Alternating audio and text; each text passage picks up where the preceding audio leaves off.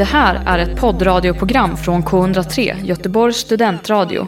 Du hittar oss på k103.se. Av upphovsrättsliga skäl är musiken förkortad.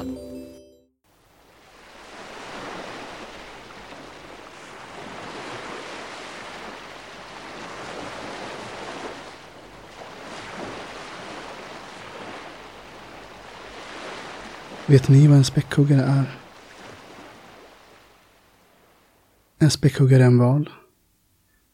En ganska stor val som är svart och vit. Den tillhör även delfinfamiljen. Det är ett däggdjur som föder levande ungar. De är sociala och uppskattar gemenskap. De rör sig i flock, eller i stim som det heter.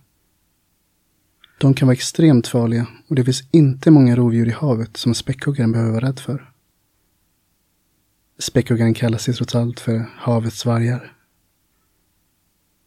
Förutom allt det där så är min lite spontana tanke att späckhuggaren är en känsloval. Ett däggdjur fullt med emotionella känslor. Precis som oss. Visste ni att späckhuggaren mestadels består av vatten och har en livslängd på nästan 100 år? Precis som människan. Om den lever i frihet vill säga. Späckhuggaren är och har alltid varit mitt absoluta favoritdjur. Späckhuggaren har ett karaktäristiskt utseende med svart rygg och vit mage. Den har en stor svart ryggfena som kan bli två meter Späckhuggaren är en tandval på cirka 60 meter. Späckhuggaren har en livslängd där honan blir cirka 90 år och hanen cirka 40. Späckhuggaren är mycket intelligenta och sociala Späckhuggaren lever i komplexa familjegrupper där honan leder flocken. Gruppen förlitar sig till hennes kunskap om omgivningen och vad som Späckhuggaren kallas på engelska orca som kommer från det latinska namnet okinus Späckhuggaren är mycket intelligenta och sociala varelser. Späckhuggaren är mycket intelligenta och sociala varelser. Späckhuggaren är mycket intelligenta och sociala varelser. Späckhuggaren är mycket intelligenta och sociala varelser. Späckhuggare är oftast väldigt snälla och nyfikna av sig men kan tända till om de vill.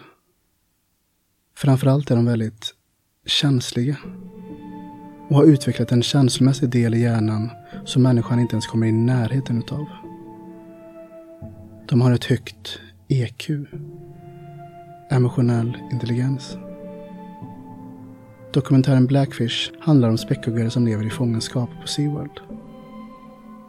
Där visar de ett klipp där en späckhuggare som är frihetsberövad från sitt hav och som numera lever i en liten bassäng blir fråntagen sitt barn.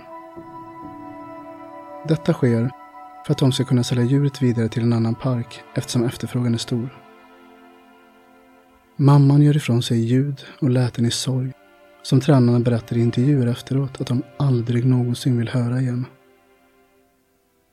Mamman väljer sen, väl medveten, att ligga helt stilla vid samma plats i bassängen i flera timmar. De andra späckhuggarna i bassängen ser man ibland dit en och en för att titta till henne. Hon har blivit fråntagen det absolut viktigaste i hela hennes liv. För att någon tycks kunna ha makten att bestämma det. Någon är vi då. Människan. Planetens farligaste rovdjur.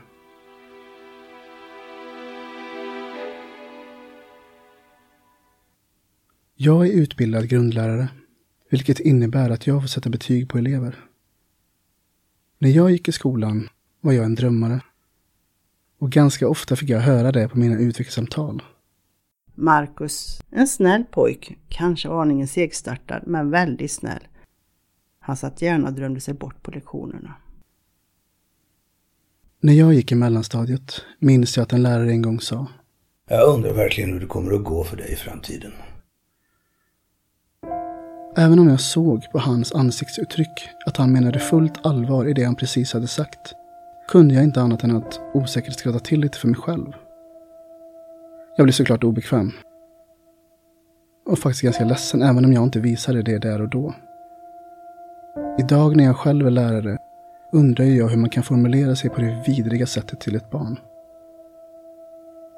Ofta förknippar människan ordet intelligens med högt IQ själv skulle jag säga att ett högt EQ väger tyngre för den ultimata människan.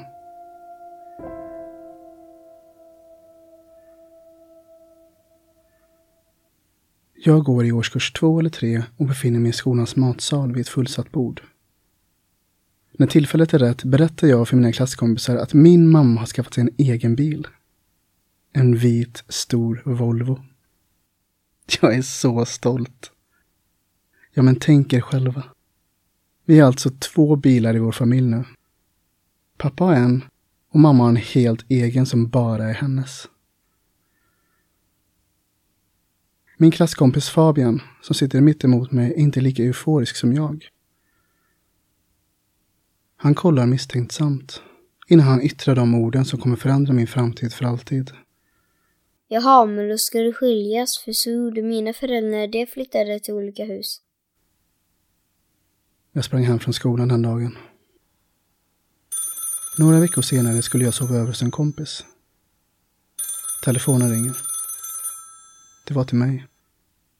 Mamma kommer och hämtar mig med bilen för att sedan köra tillbaka mig till min vän. Hon ville bara snacka lite. Jag fattade ingenting. I bilen satt mina två syskon helt tysta. Först stannade vi vid en av stadens små pizzerior. Där åt vi. Vi som aldrig äter skräpmat i vår familj. När vi hade ätit upp började en 20 minuters bilfärd ut från min hemstad och allt jag visste om. Jag minns fortfarande de mörka och krokiga vägarna ut på landet. Till slut kom vi fram till ett stort rött hus med vita knutar och ett stall precis intill. Där. Där skulle vi bo. Min klasskompis hade rätt. Mina föräldrar skulle skiljas. Hela vägen hem var jag så arg och ledsen att jag sa att det inte är någon idé att vi flyttar dit. Jag kommer ändå aldrig lära mig vägen. Det var för svårt för en tioårig pojke.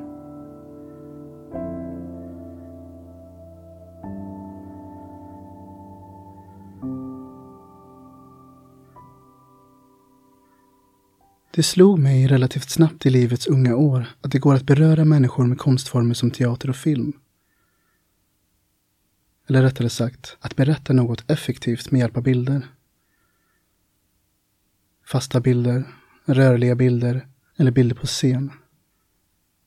Film har jag varit som besatt utav sedan barnsben. 1994 befinner sig jag och min familj i Sydamerika, Colombia. Mina föräldrar ska hämta hem sitt tredje barn från ett land som de har blivit fullkomligt förälskade i. Älskade Lukas. Av de få minnen jag har minns jag att vi fick träffa honom för första gången på ett hotellrum i Manizales. Min älskade lillebror var lite över ett år och iklädd sjömanskläder som gick i nyanserna svart, grå och vit. Åter till konstformer. Vi befinner oss i Sydamerika, Colombia som jag tidigare berättade. Och Lejonkungen, en av mina favoritfilmer, hade nått jordens yta med en av de kraftigaste smällar tecknad film någonsin haft. Och jag minns att jag så himla gärna ville se den filmen på bio där och då. Som vanligt stod jag och grät. Eller ja, jag kanske till och med låg på marken och ställde till med en ordentlig scen utanför biografen som medel för att få det jag verkligen ville ha. För sån var jag när jag var liten. Men min mamma sa... Älskade unge, han är ju på spanska. Du kommer ju inte förstå vad de säger. Som om det spelade någon roll där och då. Knappast. Det blev inget biobesök. Men så fort vi hade landat på svensk mark fick jag bevittna filmen i en mörk biosalong i Vegby, en mil utanför Ulricehamn.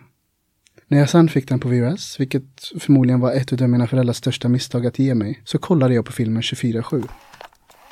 Så fort den var slut sprang jag fram till videospelaren och spolade tillbaka bandet och började om från början.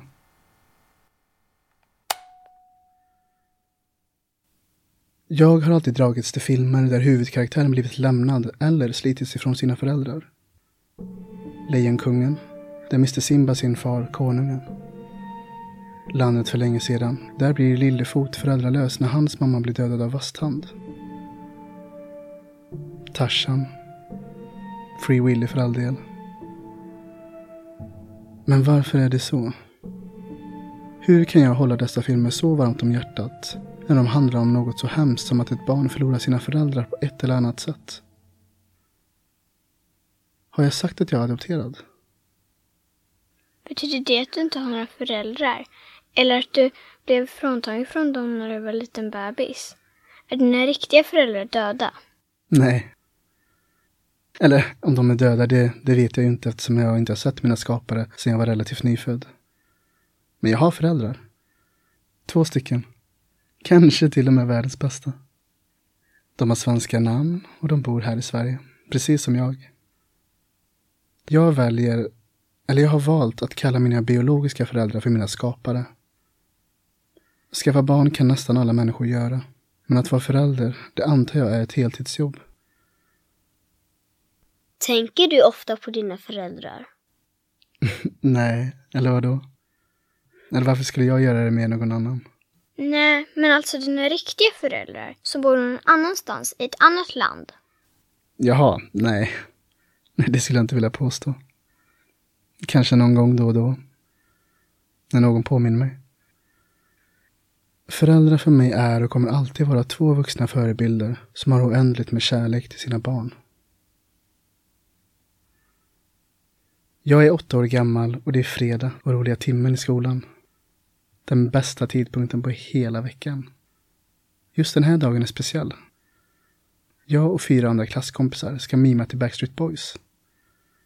Vi har tagit med oss scenkläder hemifrån samt rekvisita att ha på scen. Jag är fett taggad. På rasten innan klassens timme börjar kommer killarna fram till mig. Vi i gruppen har tänkt lite och vi tror inte att du kan vara med och uppträda senare på klassens timme. Du får inte bli ledsen. Nej. Men vadå, jag har ju med mig massa kläder hemifrån. Klart vi ska köra. Jag trodde för en sekund att de hade fegat ur och egentligen inte vågade. Så var inte fallet. Nej, men alltså. Vi har kommit på att det finns faktiskt ingen som ser ut som dig i det här bandet. Eller vadå, det spelar väl ingen roll. Vi har ju övat skitmycket. Vi har redan frågat en annan som är mer lik han du skulle vara. Det var första gången i mitt liv som jag kan minnas att jag stötte på svårigheter på grund av min hudfärg. Rasism med andra ord. Även om det är barn jag pratar om. Även barn lär sig i tidig ålder att det finns faktorer som skiljer människor åt.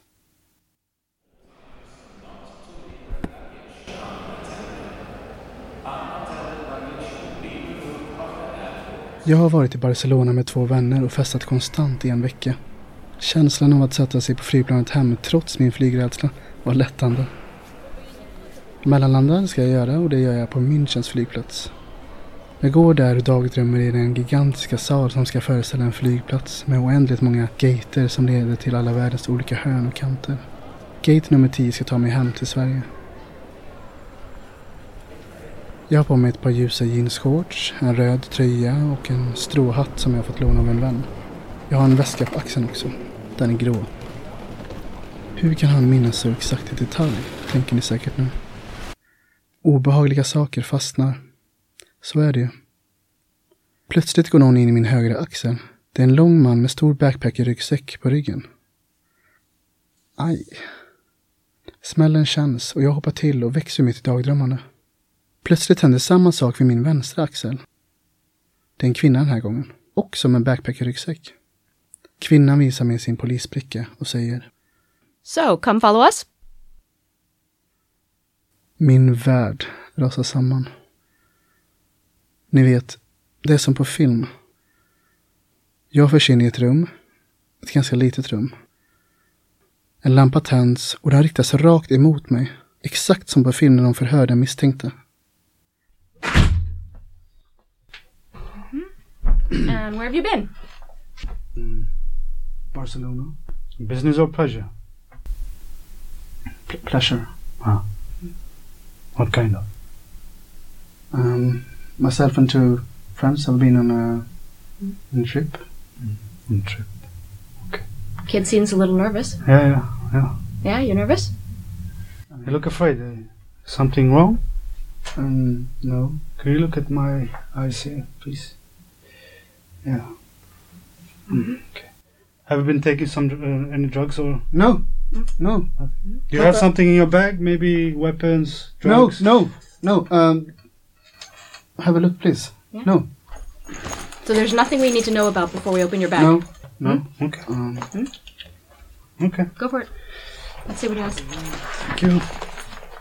He looks kind of nervous. Yeah, no. yeah, Maybe washed up and ask him some question. I want to check Yeah.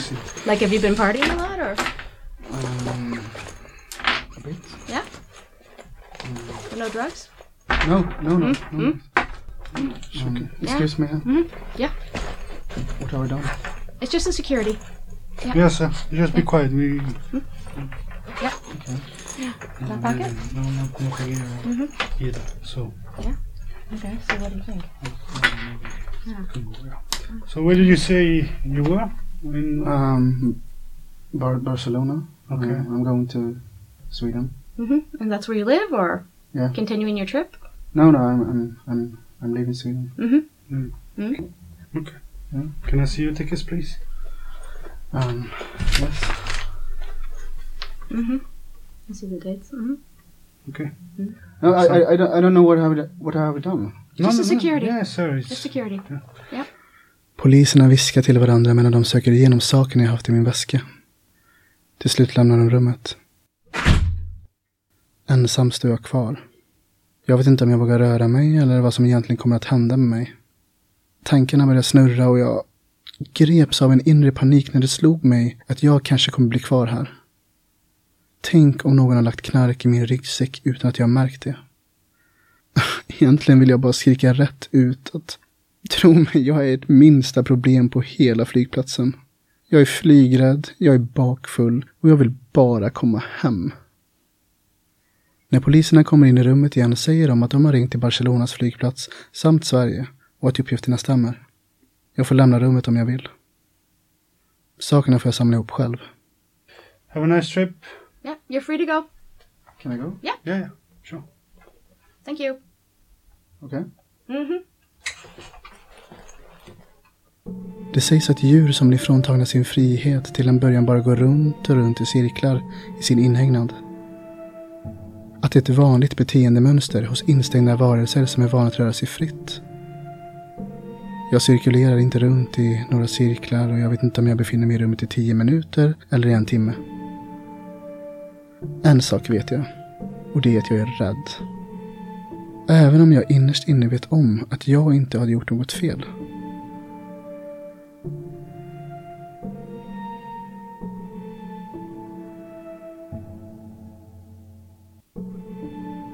Vit och svart.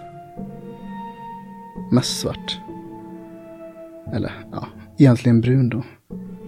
Men alla säger ju svart när de ska beskriva min hudfärg. Men jag har ju även vita drag på min kropp. Precis som en späckhuggare.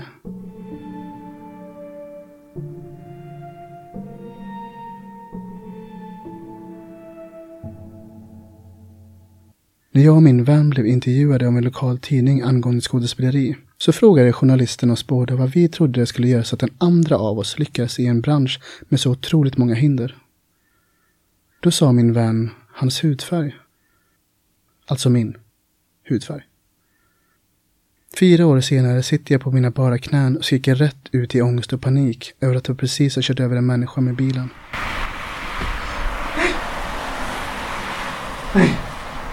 Ring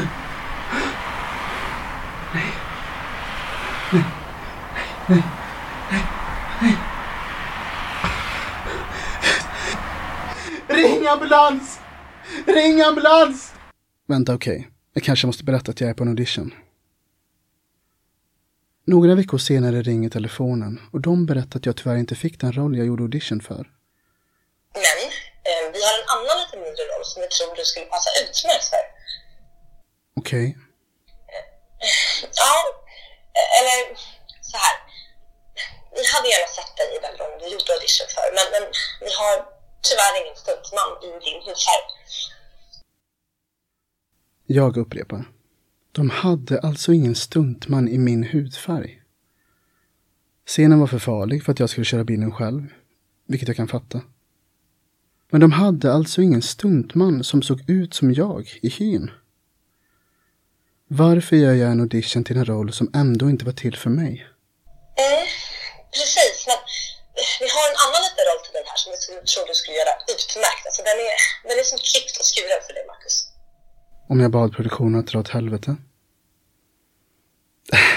Nej. Jag minns tydligt från min barndom alla bilfärder till kusinerna i Trollhättan. Sveriges Hollywood. Jag minns vägen genom alla hundratals rondeller som man var tvungen att passera innan man kom till stadens kärna. Ibland hade vi tur och då kunde vi mötas av en vägkon där det stod Kör sakta, filminspelning pågår. Jag satt som fastklistrad vid fönsterrutan för att få en liten snabb inblick i en värld som verkade så spännande. Ofta tänkte jag och undrade vilka människorna egentligen var. De där som fick vara med och jobba på en riktig filminspelning. Jag befinner mig på Göteborgs centralstation under inspelningen av The Location. En kortfilm som filmas på centralstationen och som sen ska visas på Göteborgs filmfestival. Jag sitter på en filt på marken med trasiga kläder och en mugg framför mig. Min roll är att gestalta en hemlös man. Regissören skriker. Kamera rullar. Tystnad. Tagning. Varsågoda. Det är helt vindstilla och jag sugs in i den magiska värld som existerar på en inspelningsplats. Kameran kommer rullandes emot mig där jag sitter. Tack! Vi har den. Under tiden filmteamet riggar om kamerorna kommer två stora manliga väktare fram till mig. De bad mig lämna platsen och sa rakt och tydligt att jag inte får tigga här. Det gör jag inte, svarade jag. Sluta tjafsa och packa ihop dina saker igår nu, fick jag som svar. Jag ställer mig upp och ska precis förklara att det är en filminspelning, men filmens regissör hinner före och förklarar situationen. Att jag är skådespelare. Ja, men då är det lugnt, skrattar väktarna och klappar mig lite lätt på axeln och frågar om de får ta en bild med mig. Jag vet inte vad jag ska svara och ler obekvämt in i kameran. Att människor gör skillnad på människor har aldrig varit så tydligt för mig som då. Vilka historier berättas och vilka får vara med och berätta dem? Varför finns det lotterier? Att människor som har turen att växa upp i en rik del av världen har så mycket pengar att slösa att de kan köpa en pappersbit. Och med lite tur, eller ja, rätt mycket tur, så kan de alltså vinna flera miljoner kronor. Flera miljoner kronor. När det finns människor och djur på vår planet som kämpar för sin existens och överlevnad. Hur är det möjligt? Hur är det möjligt? Hur kan det vara lagligt att världen ska få fungera så? Jag har haft den här diskussionen ganska många gånger de senaste åren. Men det var inte förrän min stora syster gav mig ett svar med två ord som jag förstod. Livets lott. Ja, för så är det ju. Det är livets lott. Livets lott att en del föds rika och andra fattiga. Några får leva länge ända tills de blir gråa om huvudet, medan andra inte ens hinner fylla tio år ens. Vissa föds med en mamma och en pappa och har samma näsa och samma mun som sina skapare. Medan andra blir fråntagna eller bortlämnade från sin mammas famn redan vid födseln av olika anledningar. Enligt min mening så är det inte synd om mig. Det är inte det jag vill belysa. Jag har de två bästa föräldrarna man kan önska sig och jag skulle vilja påstå att jag har haft ordentligt med förutsättningar till att bli precis vad jag vill. Visste ni att det inte finns en enda rapport om dödsfall där späckhuggaren dödar människan när valarna lever i frihet? Det har bara hänt i fångenskap. Det har alltså bara inträffat när vi, människor, tvingar in stora gigantiska jägare som är vana att simma flera mil varje dag i små, små bassänger under miserabla förhållanden. Det skulle vilja påstå säger mer om oss än om dem. Det skulle jag vilja påstå säger mer om oss än om dem.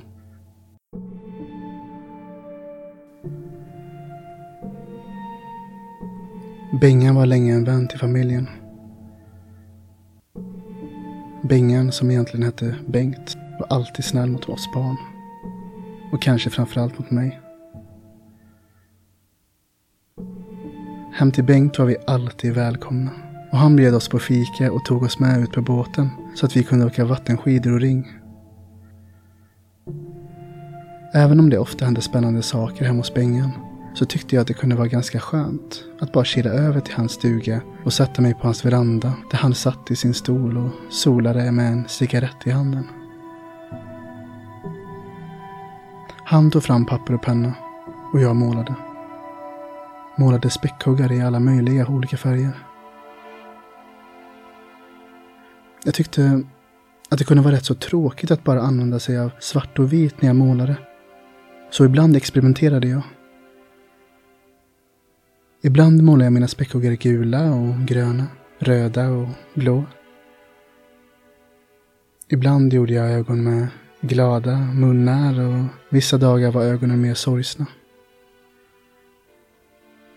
Varför deras ögon och sinnesstämning ibland skiftade reflekterar jag inte över förrän i vuxen ålder. Men jag vet att Bengan gjorde det. Han såg mig. En dag när jag satt där och ritade så pekade han på min teckning och frågade lugnt och sansat varför ögonen ser så ledsna ut. Äh, vet inte, svarade jag och ryckte på axlarna. Jag vet idag att han, han såg igenom mitt svar. Hundra procent. Pingan. Var eller vilket universum du än befinner dig i idag så vet jag med all säkerhet att du sitter där i solen med dina snygga solglasögon. Kanske tänder du en cigg och lutar dig tillbaka som bara du kunde göra.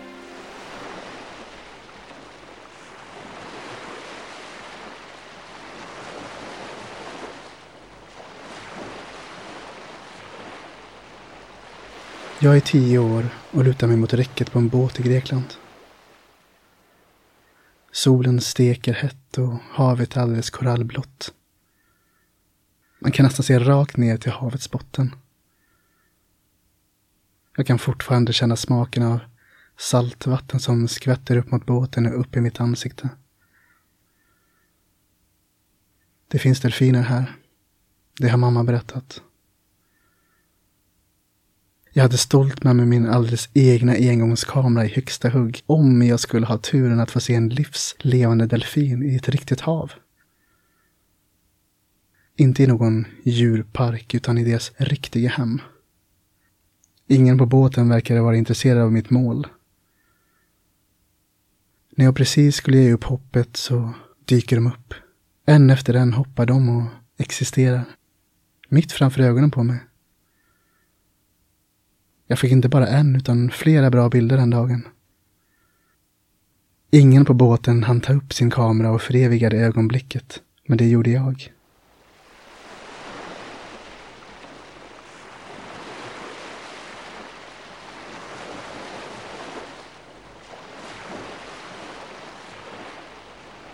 Jag är 30 år och befinner mig långt upp i norra Norge med min stora syster. Här går naturens dekorationer i allt gråare nyanser. Svart hav och vita bergstoppar. Vi ska äntligen få uppleva min två år gamla julklapp som jag fått av henne. Vi ska bege oss ut på valsafari i de norska fjordarna. Det är kallt och knappt något vanligt solljus alls. Ändå säger guiderna att vi har tur med vädret den dagen. Två dagar senare skulle det bli storm och de skulle vara tvungna att ställa in sina båtturer. Det finns två typer av valar vi brukar kunna se, förklarar de. Knölval och späckhuggare. Men de var ändå noga med att påpeka att det inte finns någon garanti. Vi är där på naturens villkor och så är det. Jag hoppas av hela mitt hjärta att jag åtminstone ska få se en liten, liten fena av en späckhuggare i så fall kan jag dö lycklig. Tio minuter ut på havet så möter vi två gigantiska knölvalar. De håller sig på avstånd. Men vi lyckas ändå bevittna den klassiska vita stjärtfenan som lika snabbt försvinner ner i havets djup. Även denna gången sitter jag längst fram i båten och nästan hänger över räcket medan båten fortsätter att glida fram över havet. Plötsligt tappar jag andan och blir alldeles stum av ljudet som väcker allas uppmärksamhet.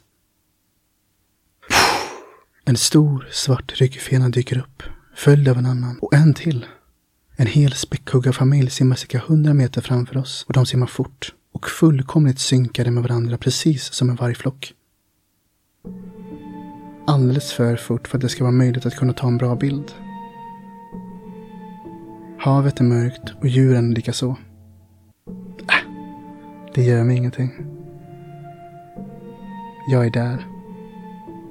Tillsammans med min syster bevittnar vi ett av havets farligaste rovdjur mitt framför ögonen på oss. Till slut lägger jag ner kameran och bara ler. Jag lever, jag andas och jag finns. Det räcker så.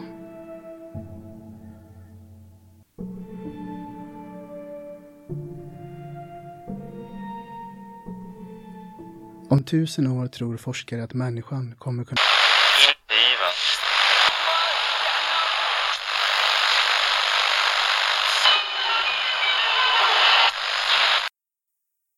Om tusen år tror forskaren att människan kommer kunna kommunicera med delfinen.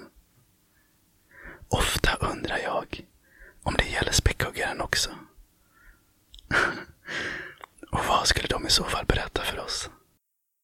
Du har hört en poddradioversion av ett program från K103. Alla våra program hittar du på k103.se. Följ oss gärna på Facebook eller på Instagram. Vi hörs!